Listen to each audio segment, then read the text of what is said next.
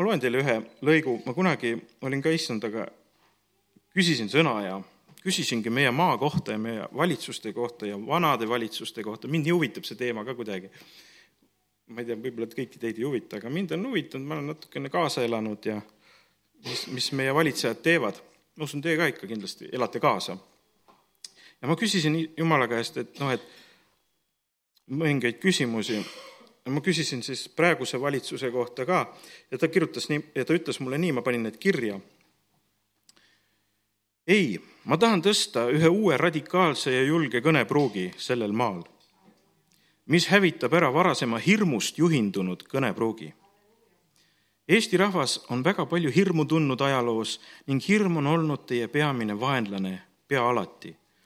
Te olete olnud alati suurte riikide kõrval nagu väike rattake suurte hammasrataste vahel. aga samas see väike ratake on pööranud teinekord suurte hammasrataste suunda. Te pöörasite ka Nõukogude ajal tihti oma väikse rattaga suure Venemaa hammasratast. Teie lauljaid kuulati ja austati. mina olen loonud teid väikeseks ja strateegiliseks hammasrattaks, mis aeg-ajalt pöörab suurte hammasrataste suunda. seda on olnud ka varasemal ajal kui ma teid rahvana valmistasin, aga suurest hirmust suurte hammasrataste vahel te tihti unustate oma jõu, mis teil on minus. mina võin asuda ükskõik millise hammasratta taha ja seda keerama asuda. see pole ühelgi suurel, siis pole ühelgi suurel hammasrattal võimu vastu seista. saan asuda ka teie hammasratta taha, et teid kasutada kogu jumal, kogu maailma sündmuste keeramiseks. nii et ärge kartke, te väike hammasratas otsige mind, kes võib anda teie rattale erakordse ja enneolematu jõu ja väe. ärge kartke suuri hammasrattaid, need on kõik minu keerata ja juhtida. ma sain niisuguse hammasratta pildi. kuhu see vägi taha tuleb, see, see hakkab mõjutama kõiki hammasrattaid. mul oli ka väga julgustav, et, et, et see, mis me praegu teeme siin, valitsus on julge ja kõnepruuk on julge, et, et see, see ongi uus suund. Pole neid lumehelbekesi vaja kasvatada meil on vaja julgeid inimesi vaja kasvatada. sest mul on niisugune tunne, et eelmine põlvkond on kasvatanud ühe suure lumehelbekeste põlvkonna siin. ära sa ütle, ma solvun muidu. aga meil on vaja julgeid, julgeid inimesi on maale vaja.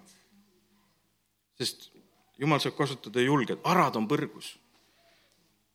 argade koht on põrgu ja, ja, ja see piibel ütleb nii ja ta on selle sõna taga, aga me ei tohi olla arad ega karta. jumal on pannud meid sellele väiksele maale ja, ja, ja selle võrra kindlasti ta varustab meid ka erakordse julgusega. sest ta teab, et väiksel rahval on rohkem julgust vaja. niisugune tore ja, ja siis usume, et, usume, et asjad lähevad meie maal paremaks ja, ja jumala riik ja tahe sünnib. aga lähme täna veel edasi ka nende mõtete juurde, mis ma olen tänaseks kirja pannud ja.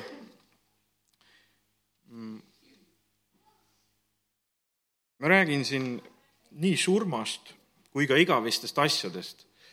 mul on üks niisugune, niisugune teema täna, surmast ja igavestest asjadest.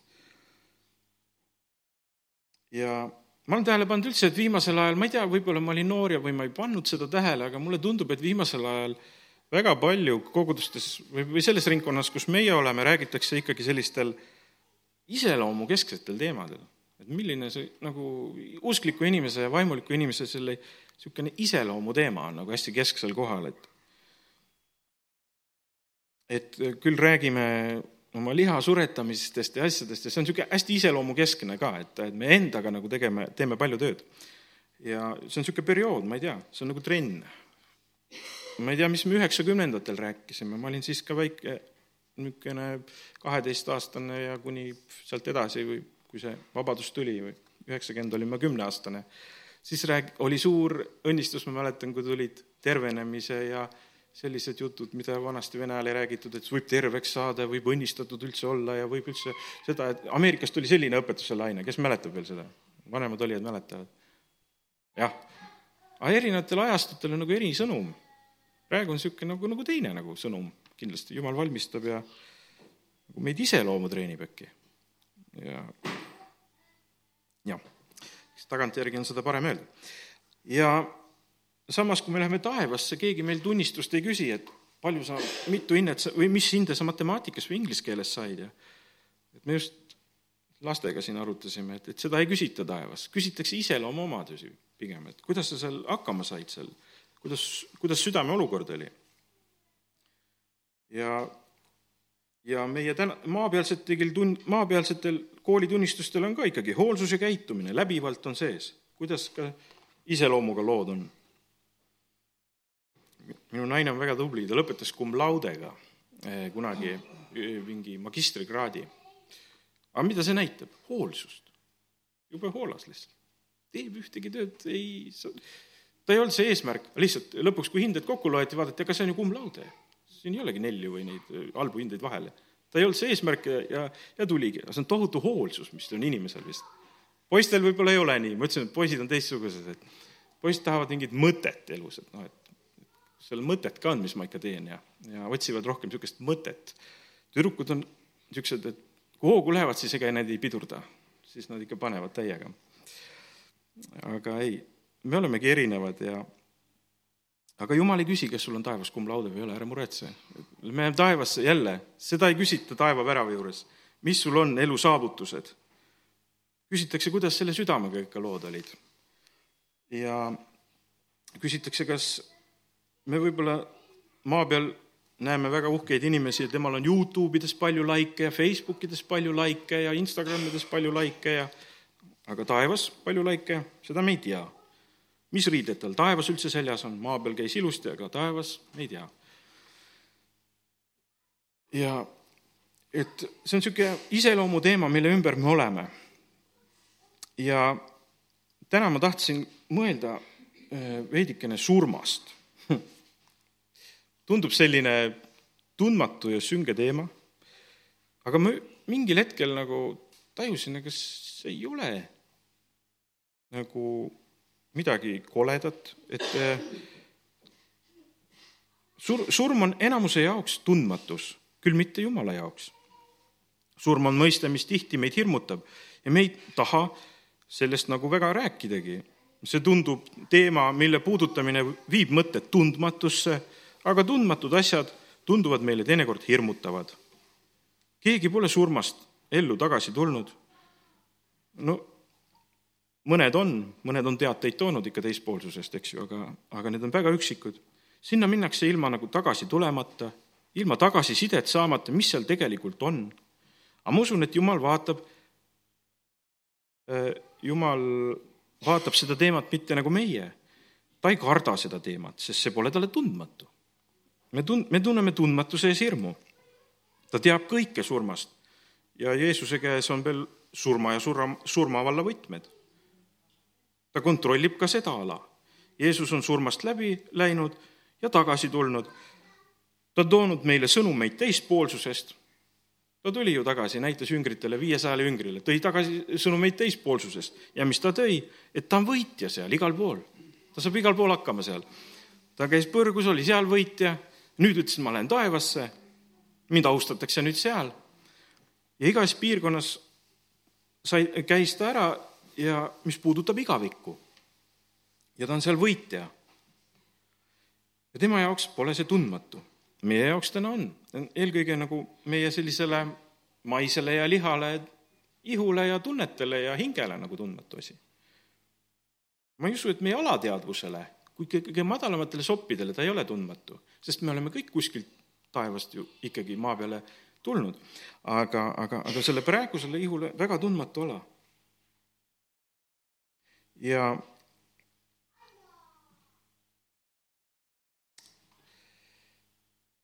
eh, siis järgmine mõte, et on asju, millel on igavine, igavikuline dimensioon ehk igavikuline mõõde, mis on igavikuline aga on asju, mis on täiesti materiaalsed. kui me võtame sõna inimene, siis sellel on eh, selge igavikuline dimensioon. Ja võtame lapse sünni. lapse sünd, korraga sünnib üks laps. ma olen pidanud seda ise mitmel korral nüüd ka läbi elama, seda lapse sündi, see on minule nagu, ma ei ole väga pidanud lähedaste surma üle elama veel, sest need on nagu Pole veel palju vanemaid vanaisaid maetud, kuigi jah, mõne oleme matnud. ja aga mind on puudutanud viimasel ajal ka just, just see pool, kust tullakse igavikust meie maale, eks ju, eks see, see sünd, see on ka nagu igavikust saabumine siia. ja, ja teistpidi ka surm on sellest materiaalsest maa pealt, maa, maailmast lahkumine, need mõlemad väga puudutavad inimest, need hetked. ma mäletan, et kui sünnib laps ja tuleb perre, siis ta hakkab nagu elama sellises materiaalses maailmas, aga kui ta siia jõuab, siis on tal värsk, niisugune igaviku ja taevalik lõhn nagu veel juureski, kui ta algusesse jõuab. Ta ümber kiirgab niisugune eriline puhtus ja taevalik atmosfäär, et ta oleks just nagu saabunud kuskilt reisilt, kus mälestused on veel nii värsked. siiski ta ise ei mäleta küll teadvuses enam midagi, aga peidetud alateadvuses võib nii mõndagi tal meeles olla. see, ma usun, et kõike küll Jumal ära ei kustuta. sest kui ta meid hüüab, miks ma ei, miks me tunneme selle hääle ära? me teame seda häält. me teame, kuidas see kõlab, kui looja hüüab meid. Ja selles mõttes on see äratuntav.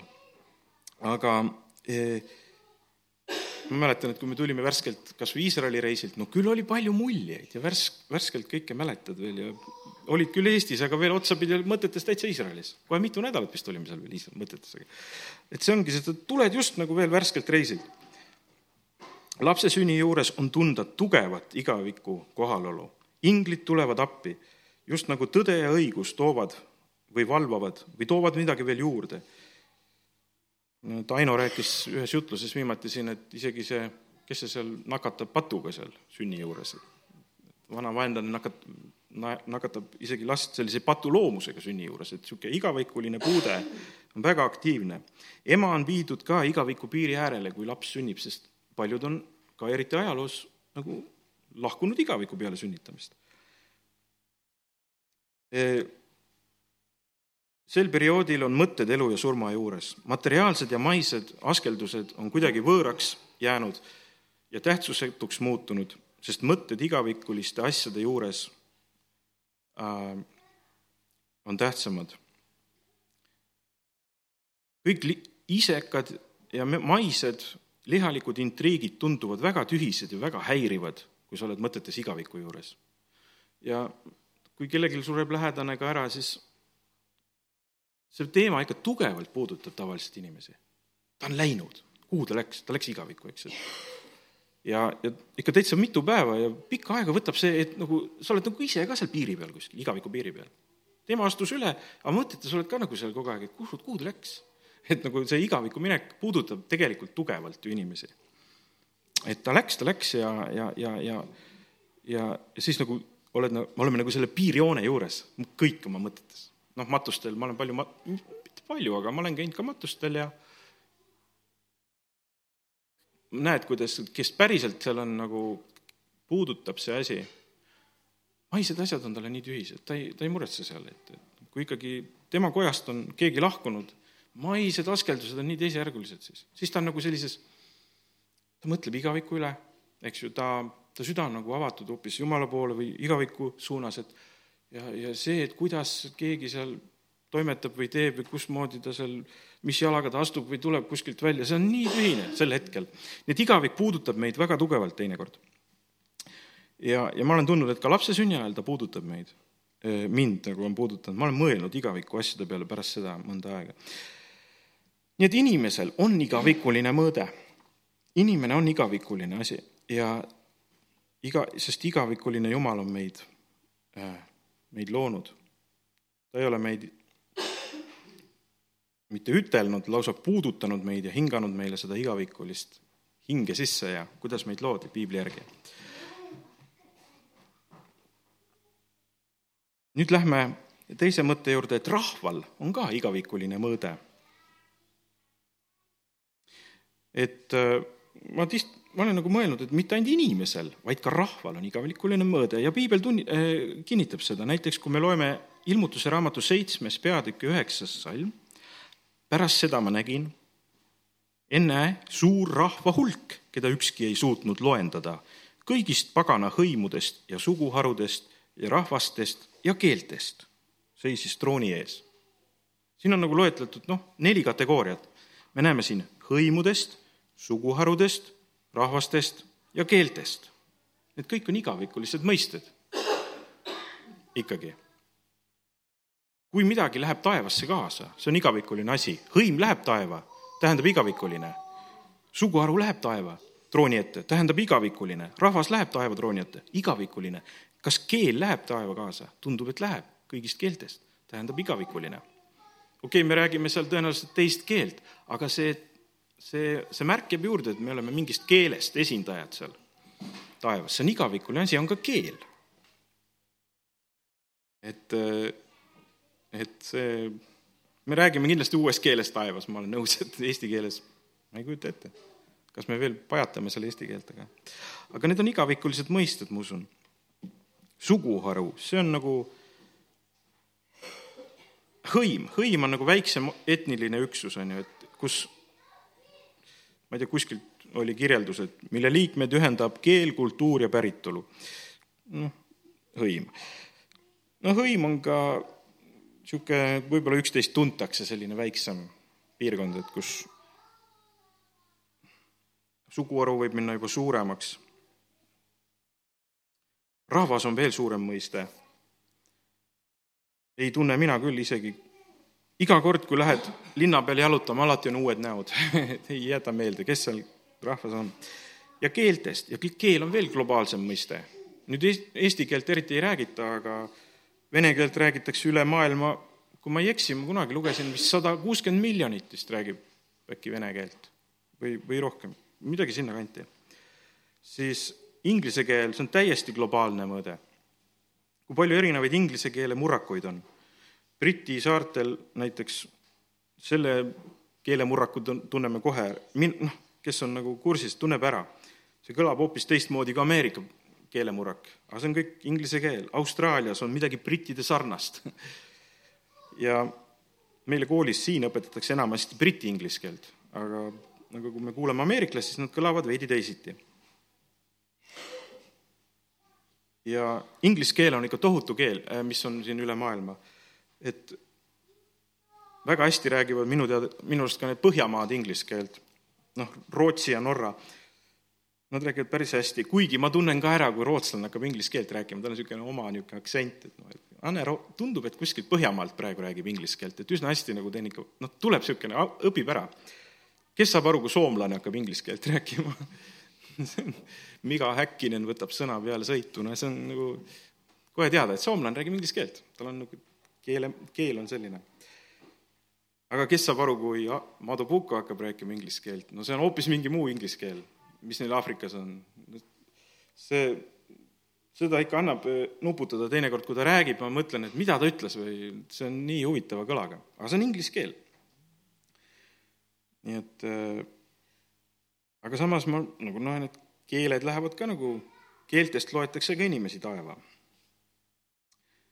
nii et jumal tahab tuua taevasi, taeva inimesi mis ma mõtlesin veel, et keel ma olen mõelnud, et keel on tegelikult meie suu keelehoiak. et äh, kui sa tahad hästi rääkida vene keelt, sa pead reaalselt hakkama oma keelt hoidma natuke teisiti. et, et see esimene ots läheks pehmemaks ja saaks ruttu neid esse öelda, mida venelased räägivad. kui tahad rääkida, et kui tahta rääkida mingit teist keelt, peab keele asendi ära muutma, lihased, teisi lihaseid pingutama, sellepärast et ja suud teistmoodi hoidma, sest nad räägivadki, nende keel on teistmoodi pinges ja aga kui meie hakkame eestlasena vene keelt rääkima ja ikka hoiame suud eestlaste moodi, siis meil tuleb niisugune eesti-vene keel. aga kui me laseme oma lihased nagu niimoodi, nagu venelased hoiavad, tuleb täitsa ehtne vene keel. ta hakkab kõlama. ja sellepärast itaalia keel on väga hea laulukeel, näiteks need ooperilauljad laulavad, mm, õpivad tihti itaalia keelt, sest nende suuhoiak on väga õige, itaallast keel, itaalia keel soodustab seda seda suuhoiakutki. okei okay,, aga Jumal on teinud selle, et ta on seganud meie keelt niimoodi, et pannud ühele pinget ühele poole, teisele teisele poole ja ja nüüd me käime niimoodi, et kes kuidas räägib. ameeriklastel tundub, et nagu kartul oleks suus seal Texase osariigis kogu aeg, on ju, kui nad räägivad, aga noh, nende keel hoiab nii, nii nad räägivad. et niisugune lõbus teema on see keel. aga Jumal ütleb, et, et ta võtab nendest keeltest inimesi taeva.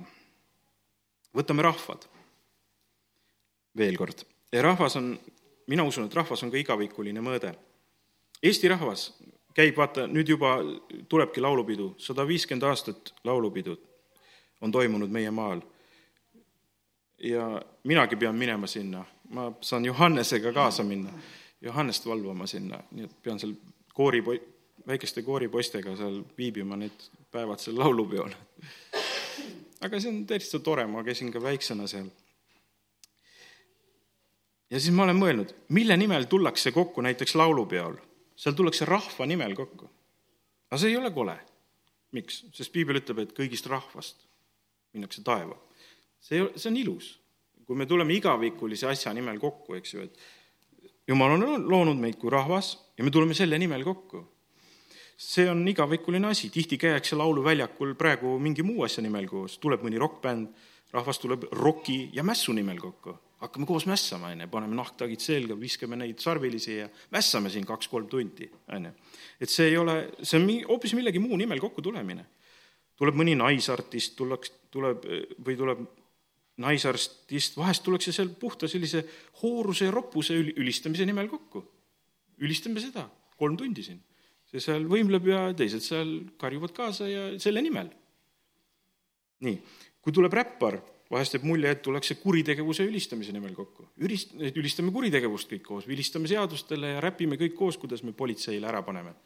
või neil on väga imelikud sisud seal lauludes, teinekord.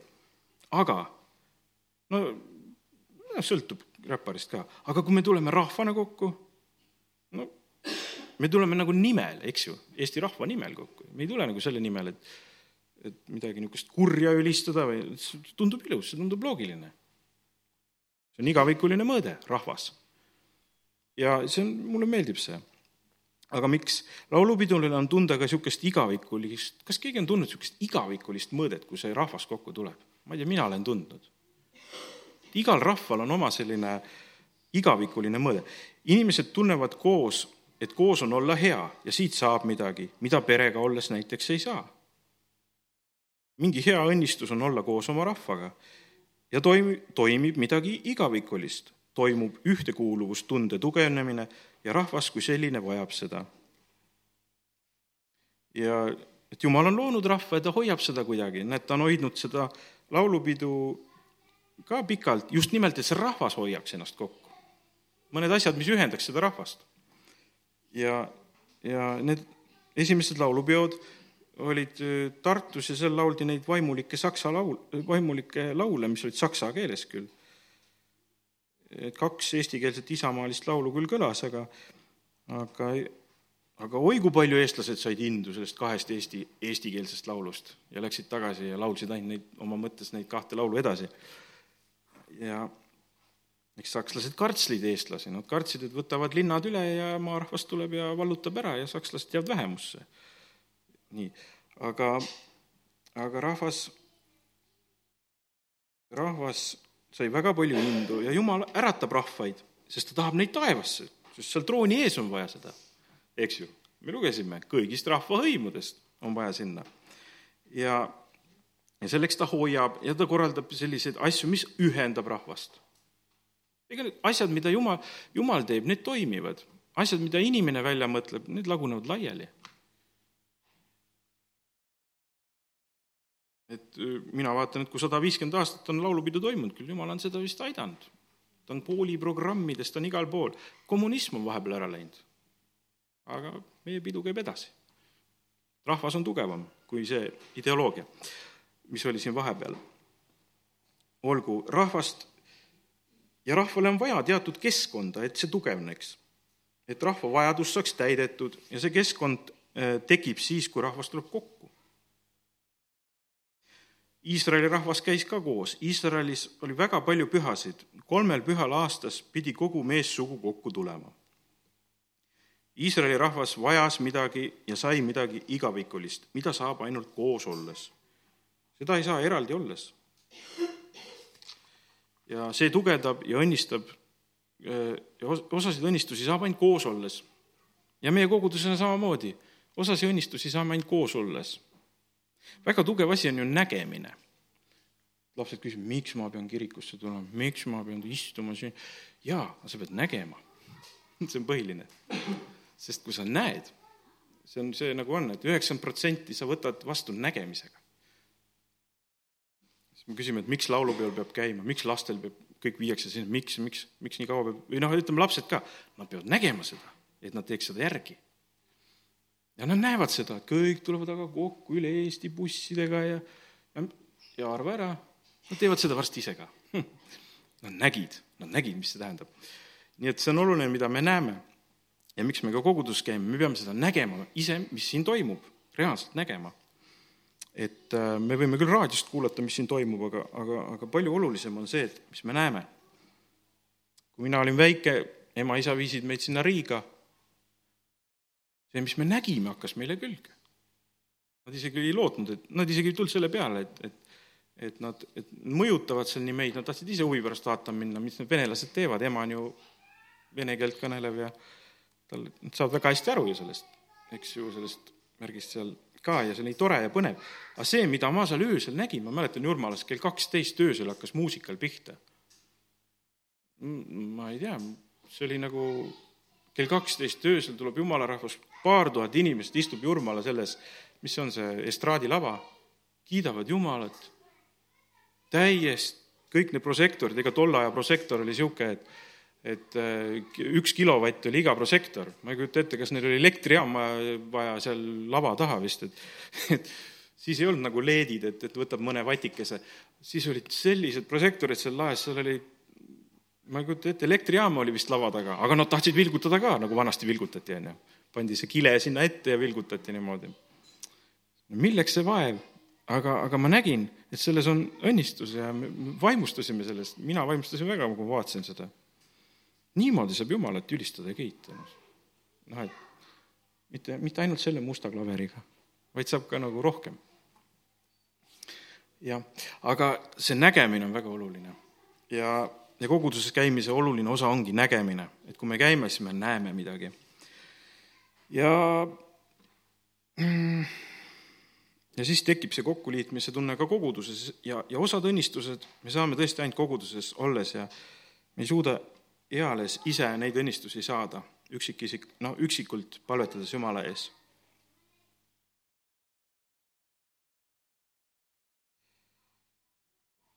nii, nii et me rääkisime sellistest igavikulistest asjadest edasi nüüd.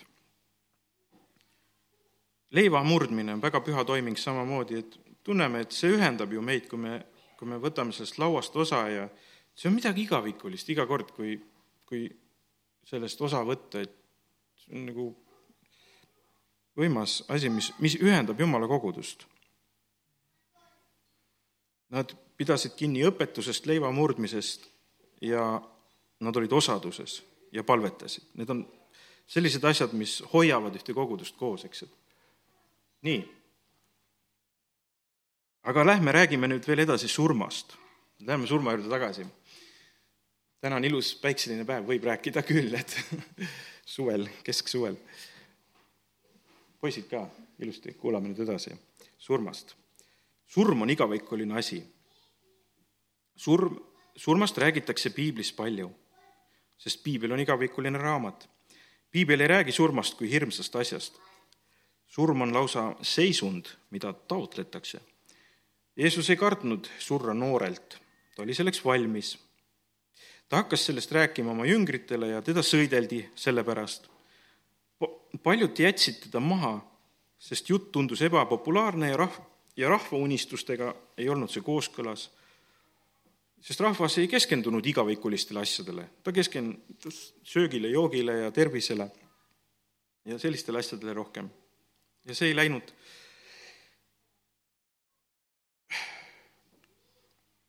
siis, kui ma siin jutlust kirjutasin, siis ma nagu tundsin, et ma panen kirja nagu mina vormis, et nagu Jeesus räägib, et ma tahtsin neid õpetada mitte kartma igavikku. igavik on meeldiv väljapääs.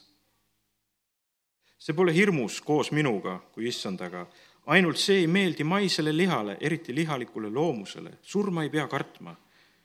on esimene surm ja teine surm, kartma peab teist surma. sealt pole kunagi tagasipöördumist, teine surm on koht,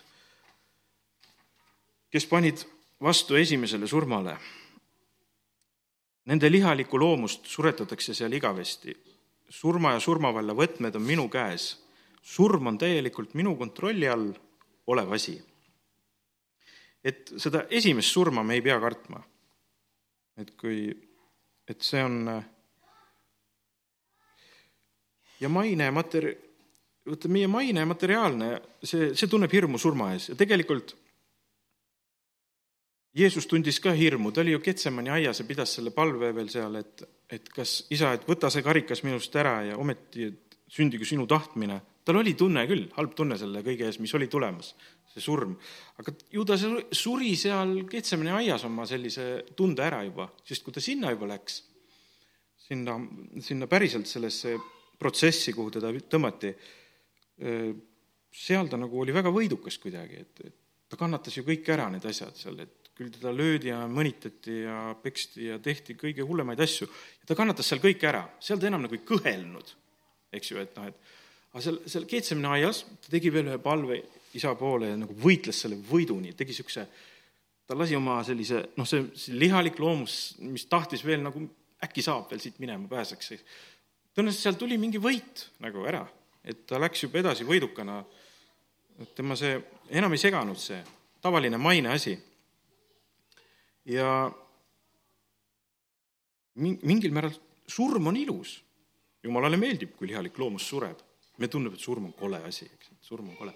aga seda vaadatakse ikka pigem, et see on ilus asi. sest äh, nagu keegi on öelnud, et täielik üksmeel tuleb alles kalmistul. noh, et seal on tõesti kõik üksmeeles koos. aga Johannese kaksteist kakskümmend neli. tõesti, tõesti, ma ütlen teile, kui nisu iva ei lange maasse ega sure, siis jääb üksi. aga kes, aga kui see sureb, siis see kannab palju vilja.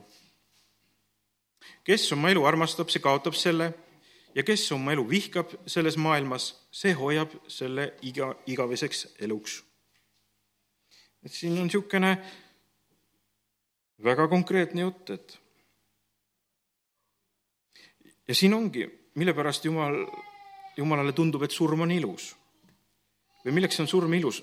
surm on seal ilus, kui sureb see maine, maine asi.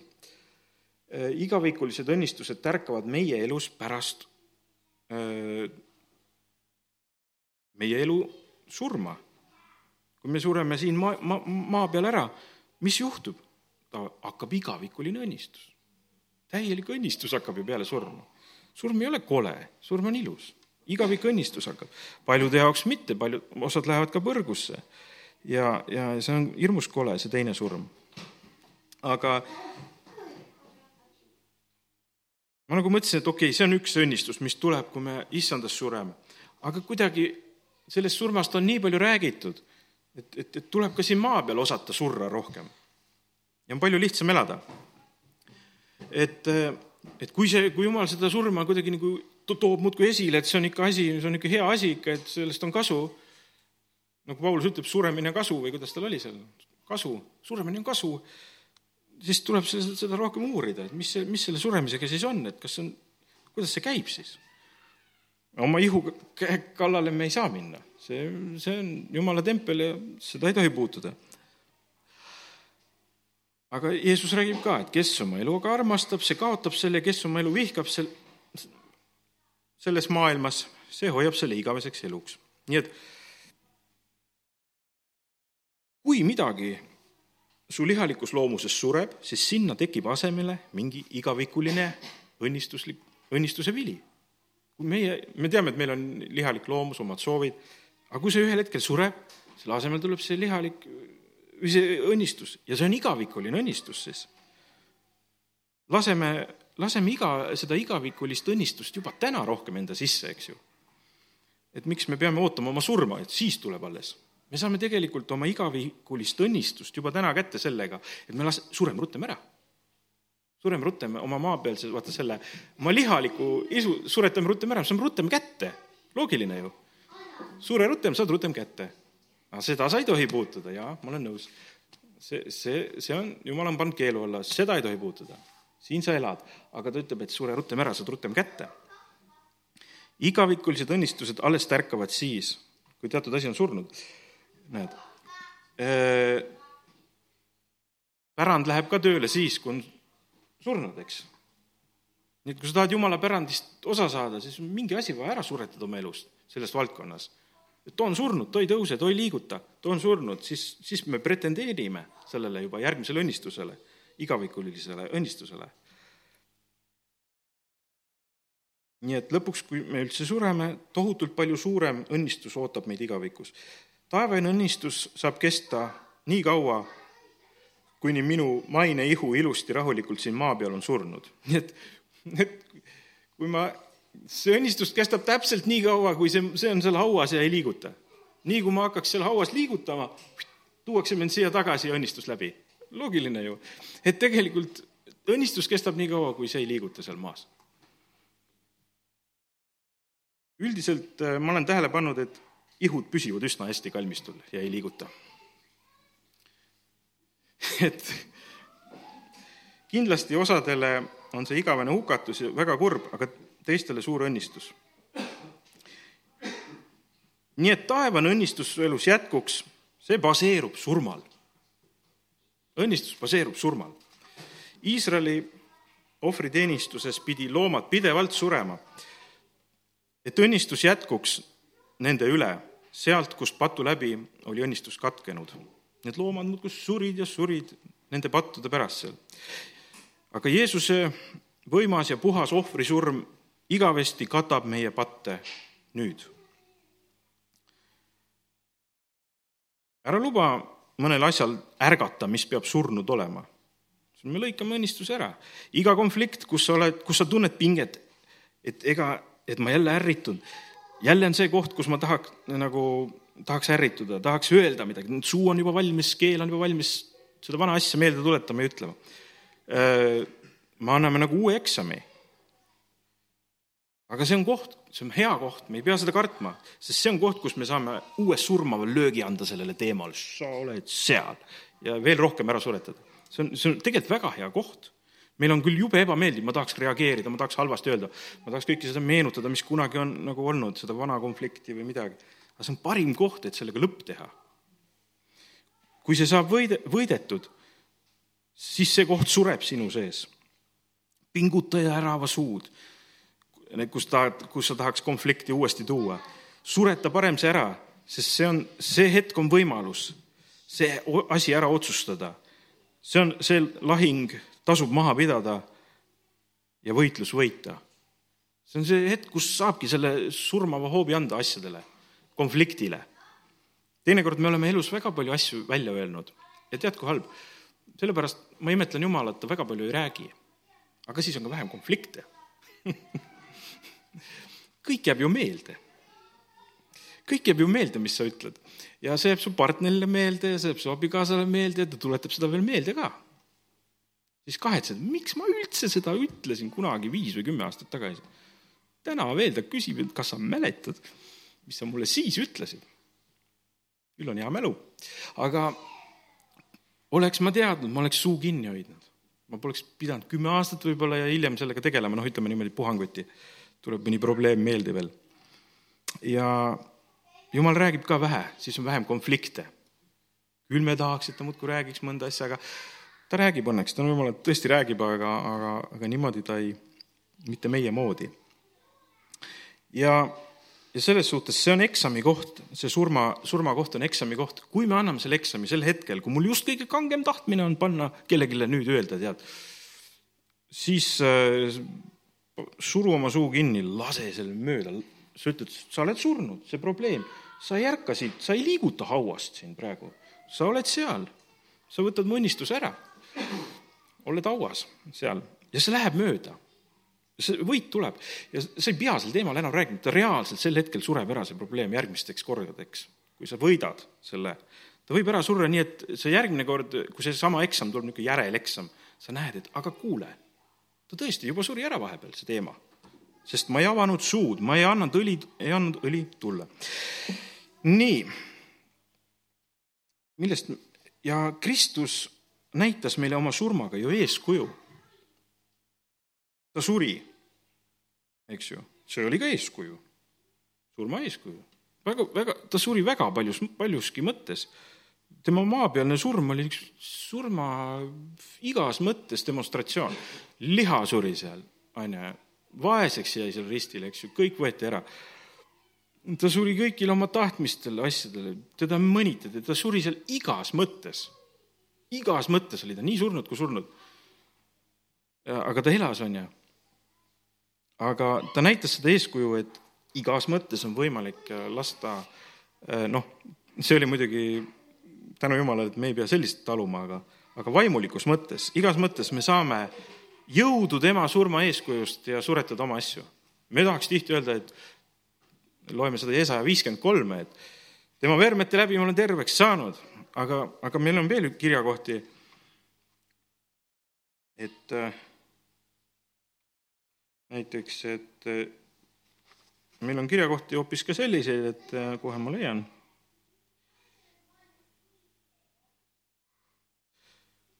siin oli minu arust päris häid kohti, jah.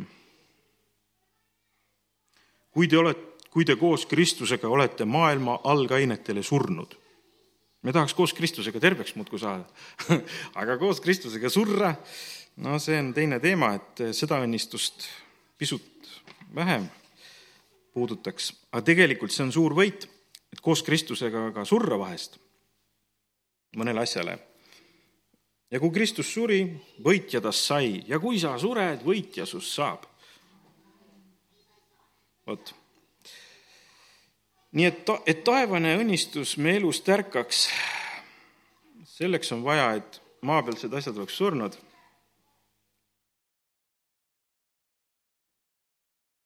kui sa kadestad kellegi parganumbrit, siis lõpeta sellest rääkimine. surnud ei räägi ju sel teemal oled sa kuulnud, et keegi kalmistul arutleb seal teisega, et sinu, ma sain rohkem palka või mul oli ilusam auto. surnud ei räägi ju. kui sul mingi teema siin või saad aru, kui ma, see on mingi niisugune näide, kui sul on mingi teema, mis sind ärritab, sa ei taha sellest rääkida, siis ära räägi, sest surnud ei räägi. see on võib-olla sinu hingevalu. see on sinu mingi, niisugune uhkuse koht natuke, ei tead, et või mingi niisugune teema. sureta ära see, ära üldse räägi, ütle, et surnud ju üldse sel teemal ei räägi ju vaikus ju. aga pane tähele, see surebki ära. ära räägi sel teemal. ja varsti sa ei, sa tunned, et, et palju parem on, kui ta on surnud, see teema. või kuidas naabril läheb paremini. ära võrdle, ära üldse räägi sel teemal, mitte kuskil, ei kodus ega, et tal läheb paremini. või ei räägi hoopis teises võtmes, aga ära, ära võrdle, ära, ära, ära ärata surnut ülesse las see teema olla surnud. teed mingit muud juttu kohe ei nojah, räägime millestki muust, las see mõni teema olla surnud. ja ta tegelikult sureb niimoodi nii välja, et ta on täiesti surnud lõpuks. sa ise ka imestad, kuidas mõni teema su elus nii välja sureb lõpuks. ja sa suretad oma pahed välja, aga see on see Jeesuses suremine, vot tema abiga saame seda. et me saame mõnest asjast võitu. nagu öeldakse kalmistul, puhka rahus. ja seda nad seal kõik teevadki sest surnul on imeline rahu. ta ei rea-, ta ei rea-, ei reageeri seal ühelgi teemal. surm on midagi rahulikku ja ilusat. ja täna kõik surnud lasevad meil täiesti rahus siin elus toimetada ja elada, ei tule keegi meid ju segama ega õpetama, et ei, nii küll ei tasuks teha ja ei, no naa ei tasuks teha, nii ei tohi teha.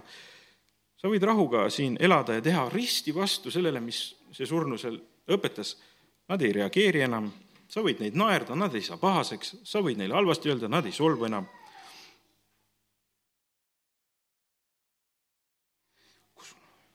nii et taevane õnnistus elab meie elus seal, kus, kus, kus on rahu ja surm maisel lihalikul soovil.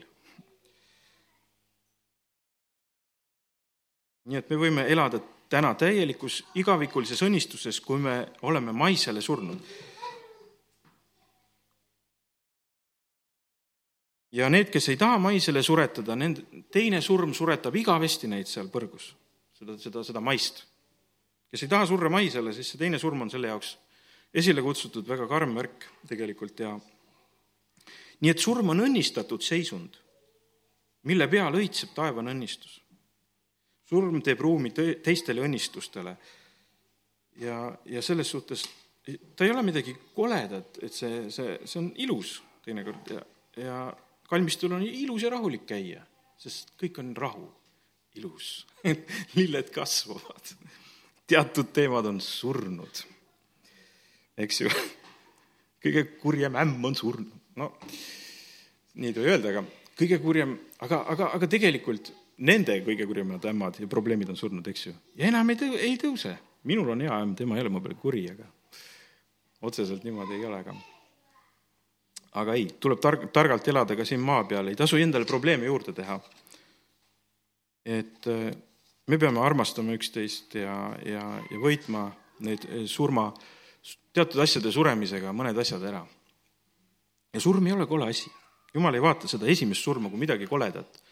ta on nii, ta vaatab seda kui midagi ilusat. ta vaatab Jeesuse surma ka midagi kui ilusat, mis ta tegi, eks, et ja, ja kui sa tahad ka vaimulikke ja kui mina ka tahan vaimulikke õnnistusi saada, täna, siis me peame leidma selle seisundi, kus mõned asjad peavad nii ära surema, et seal hakkaks see asi tekkima. ja piiblis on mõned ilusad kirjakohad ju, et, et äh, üht, ühtedele lõhn surmast surma, teistele aga lõhn elust ellu ja väga palju räägitakse surmast. Rooma, Rooma kuues peatükk räägib väga palju surmast ei mitte sugugi, meie, kes me oleme patule surnud, kuidas saaksime selles veel elada? nii et Paulus tõesti tõstab esile julgelt seda, et seda surnud seisundit. Rooma kuus seitse, sest kes on surnud, see on patust vabaks mõistetud. me saame nagu taevase õnnistuse kätte lihtsalt surres maa peal, teatud asjadele, patule surra. kui me oleme aga surnud koos Kristusega, siis me usume, et me elame ka koos temaga jälle baseerub surmal. õnnistus baseerub surmal. me tahame elada, täiega elada koos Kristusega, aga see baseerub surmal, eks ju. eks päästmisele tulek on ka selline suremine, et sa sured nagu vanale elule, tuleb veel ristimine ja käib üks surmast läbiminek. et see õnnistus, mis meil täna kõigil on siin, on tulnud sellisest surmast, eks ju, surime mingil hetkel ta ei jäänud usus nõdraks, pannes tähele oma elatanud ligi sajaaastast ihu ja su-, Saara surnud lapsekoda. ja milline õnnistus tuli ka sellest surnust lapsekojast, eks ju. kõik oli surnud, kõik halb oli ka surnud. ja sealt tuli see kõige suurem õnnistus ka. et äh, võib-olla jumal tõesti suretas midagi, mida ei olnudki vaja surnud lapsekoda suri ära. ja surm, nii et neid kohti on palju, sest Kristuse armastus sunnib meid, kes me otsustame nõnda, kui üks on surnud kõikide eest, siis kõik on surnud. kõik on surnud. et, et väga julgelt piibel õpetab seda, seda, seda suremise teemat ja, ja aga argade ja uskmatute ja jäledate ja mõrtsukate ja hoorajate ja nõidade ja ebajumala teenijate ja kõigi valetajate osa on tule ja väävliga põlevas järves, see on teine surm. ja nüüd on räägitud siis teisest surmast.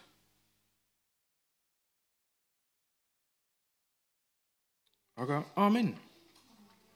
et äh, need on lihtsalt kinnitavad kirjakohad veel lõpuks ja et, et, et ilusad asjad sünnivad suremise peale meie ilus Eestimaa on sellepärast, et mõned on siin surnud selle eest, alanud vabadusvõitluses, ohverdanud, et surm on ilus asi. ja tõuseme ja täname issandat. tänu sulle, Jeesus, et, et me võisime täna mõelda selle teema üle, mis puudutab surma. on ilus päiksepaisteline päev ja, ja tegelikult on nii palju elu, nii palju elu siin meie ümber. me täname sind, et see baseerub ühel surmal see baseerub paljudel-paljudel surmadel, et see elu on ilus. iga, iga seeme on surnud, et ilus lill võiks tärgata ja iga nisuiva on surnud selleks, et palju uut vilja võiks tulla. me ei näeks seda ilu, kui kõik, kõik veel tahaks elada. me täname, et igavikuline õnnistus baseerub maise surmal ja me täname sind, aita meil igapäevaselt ja, ja elus neid eksameid anda, kus, kus on vaja maine surm, äh, maiste asjade surm nagu saavutada, et äh, et, et me võiksime tunda ennast võitjana. selleks, eh, õpeta meid selleks igapäevaselt ja tänu sulle, et sina oled hea. ja, ja sa armastad eh, meie maad ja rahvast, armastad Võrud ja, ja, ja meie kogudust siin ja kõike ja valmistad meid igavikuks, igavikulisteks asjadeks ja tänu sulle selle eest. et sa näed meid kõrgemalt ja kõrgemalt paistab kõik palju armsam. sa näed meid kui väikseid armsaid lapsi siin maa peal liikumas ja sa armastad meid ja, sa näed meid ka lähedalt. aga me täname sind, et, et, et õpeta meid ka nägema seda elu sinu pilguga ja elame seda elu, nagu sina elasid. Jeesuse nimel, aamen